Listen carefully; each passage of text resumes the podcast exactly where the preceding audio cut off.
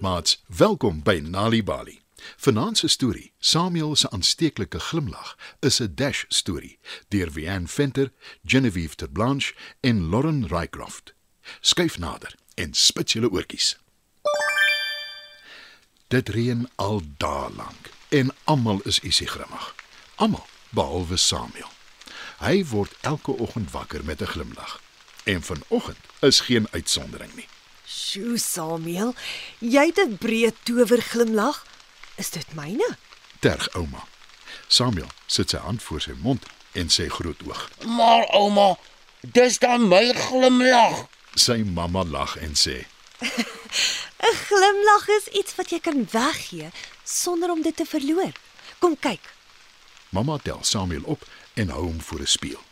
Vat nou jou hand weg. sê sy. Samuel vat sy hand weg voor sy mond. Hy kyk in die spieël en ja, so waar. Sy glimlag is nog daar, net so breed soos altyd, Dis tyd vir ons om te gaan. sê mamma toe sy Samuel neersit. Sy knoop sy renjas toe en daar gaan die twee biblioteek toe.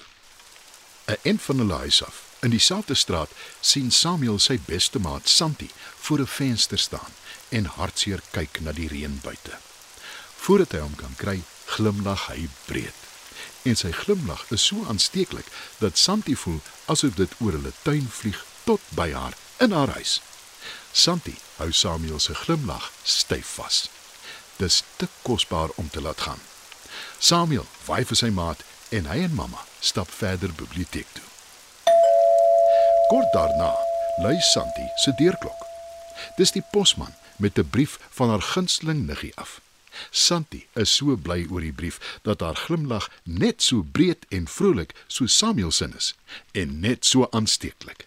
Die posman glimlag breed terug, Dankie, meneer Bosman. sê Santi. Haar glimlag is die beste en helderste ding wat die posman vandag gesien het. En dit hou hom warm toe hy verder in die reën op sy fiets ry om nog pos af te lewer. Die volgende huis is een met 'n hond wat hard en aanhoudend vir hom blaf. Die hond draai al in die rondte terwyl hy blaf. En dis so snaaks dat die posman hom nie kan verhelp nie. Hy moet breed glimlag terwyl hy na die hond kyk. Dit laat die hond ophou blaf en hy waai sy stert.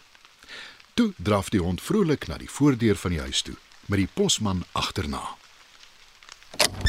'n Ou man kom krom krom aangeloop en hy maak die deur oop. Hy vat die pos by die posman en bedank hom. Toe kyk hy na die hond en sê: Ah nee, man. Jy kan nie omkom nie. Jy's aan sop nat. Maar toe hy sien hoe vrolik die hond is, staan hy regop en hy glimlag ook breed. Ja, wat is 'n bietjie reën dog nou. Kom ek en jy gaan stappe in. sê hy vir die hond. En die twee van hulle stap straat af deur die poele reënwater. Toe hulle by die sebra kruising kom, voor die skool, loop hulle mevrou Fourie, 'n verkeersbeampte raak. Haar gesig is strak en sy lyk baie vies en ongelukkig omdat sy al 'n paar dae lank in die reën diens moet doen. Maar die ou man weet dadelik wat om te doen staan. Uh, Goeiemôre, mevrou Free. roep hy vrolik met 'n breë aansteeklike glimlag. Maar mevrou Fourie groet nie terug nie. Sy staan al te lank in die reën en sy's baie ongelukkig daaroor. Maar soos wat ons teen die tyd weet, is Samuel se glimlag wat die ou man by hom gekry het, nie net aansteeklik nie, dis ook 'n towerglimlag. En stadig maar seker versag mevrou Fourie se gesig. Sy lyk nie meer so ongelukkig en hartseer nie en 'n glimlag begin vorm op haar gesig. Dit word al breër en sy groet vrolik terug. Die skoolklok lui en die kinders kom na die kruising toe gedraf om die pad oor te steek. Mevrou Fourie hou haar padteken uit. Sy glimlag breed vir elke liewe kind wat die straat oorsteek. Haar glimlag is ook aansteeklik. Al die skoolkinders begroet hulle ouers, hulle oupas en oumas en hulle boeties en sissies met 'n breë glimlag. Hulle glimlag ook vir die busbestuurder. Hy glimlag vir die groentesmuis. Die groentesmuis glimlag vir mevrou Eksteen, die burgemeester se vrou. Sy gaan huis toe en glimlag vir haar man. Almal glimlag en lag in die reën wat steeds onverpoost val. Mamma en Samuel het intussen by die biblioteek aangekom en die boeke gekies wat hulle wil uitneem. Dis doodstil daar. Al wat hulle hoor is die reën wat buite val. Hulle sit nog geruk in die biblioteek en blaai deur hulle boeke. Na 'n ruk sê mamma, Dis tyd om te gaan, Samuel. sy maak haar boek toe en kyk na Samuel. Ag nee, mamma, ek wil nog bly. Sê hy en vir 'n verandering glimlag hy nie. Maar mamma is streng en sê, Ek moet by die huis kom om kos te maak. Samuel volg haar gedwee, steeds sonder 'n glimlag. Maar toe hulle buite in die straat is, verander alles. Daar is oral mense. Dit lyk asof die hele dorp daar is en almal glimlag breed en vrolik. En wat kan Samuel anders doen as om ook breed te glimlag? Dit begin by sy tone wat begin wikkel. Dit versprei deur sy hele lyf en sy gesig verhelder met die breedste glimlag ooit, 'n ware towerglimlag. Alles is skielik anders. Dis nie meer grys en grou buite nie, ten spyte van die reën. En kan dit waar wees? Die reënwolke begin verdwyn en die lug trek oop en die son skyn helder met sy heel blinkste glimlag. Dit was nog 'n Nalibali storie. Samuel se aansteeklike glimlag is 'n Dash storie deur Vian Venter, Genevieve Terblanche en Lauren Rycroft.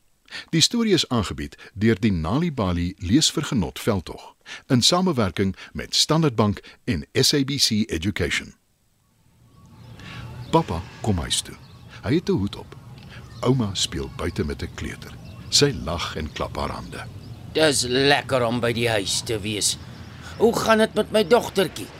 Waar was pappa gewees? Ek het my hoed verloor. Ek het oral gesoek daarna, eers in my rugsak, maar dit was nie daar nie. Toe kyk ek oral op die grond, maar ek kon dit ook nie daar kry nie. Ek het selfs in die lug opgekyk, niks nie. Waar het pappa dit toe gekry? Dit was die hele tyd op my kop. Kan jy dit glo? Ek is bly jy maak tyd om met jou dogter te gesels en haar te vertel van jou doen en late. Ware mans maak bemoeienis met hulle kinders en bring kwaliteit tyd saam met hulle deur. En kleuters leer woorde deur na stories te luister. Besoek ons webwerf www.nalibali.org vir gratis stories in jou eie taal. Nali Bali. Dit begin met 'n storie.